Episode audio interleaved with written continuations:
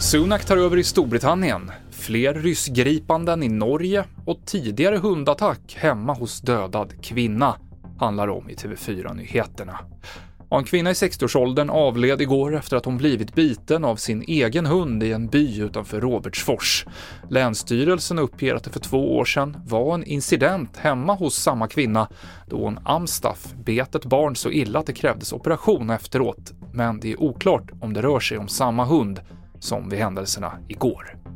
I Storbritannien står det nu klart att Rishi Sunak, tidigare finansminister, är ny partiledare för Tories och han kommer därmed bli nästa brittiske premiärminister, den tredje på bara två månader.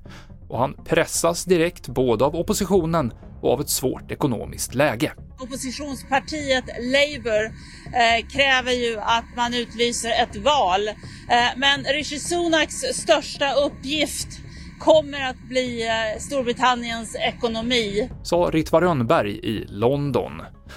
Två ryska medborgare har blivit gripna i Nordnorge i helgen. Enligt uppgifter till norska TV2 så misstänks de ha fotograferat en militär anläggning.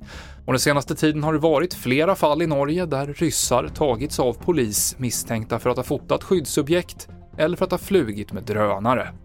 Och det har varit flera allvarliga olyckor med A-traktorer på sistone och många fall där fordonen körs fortare än vad som är tillåtet.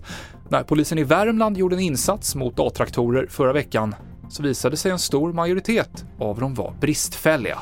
Ganska skrämmande statistik egentligen.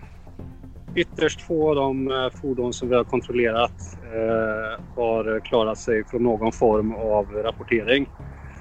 Eh, majoriteten har eh, besiktats med, och blivit belagda med ny kontrollbesiktning, registreringsbesiktning och eh, inklusive antal tillåtande av olovlig körning så är vi nästan uppe i ett 50-tal olovliga körningar. Det sa Mikael Blomberg, trafikpolis i Värmland och det avslutar TV4-nyheterna med Mikael Klintevall.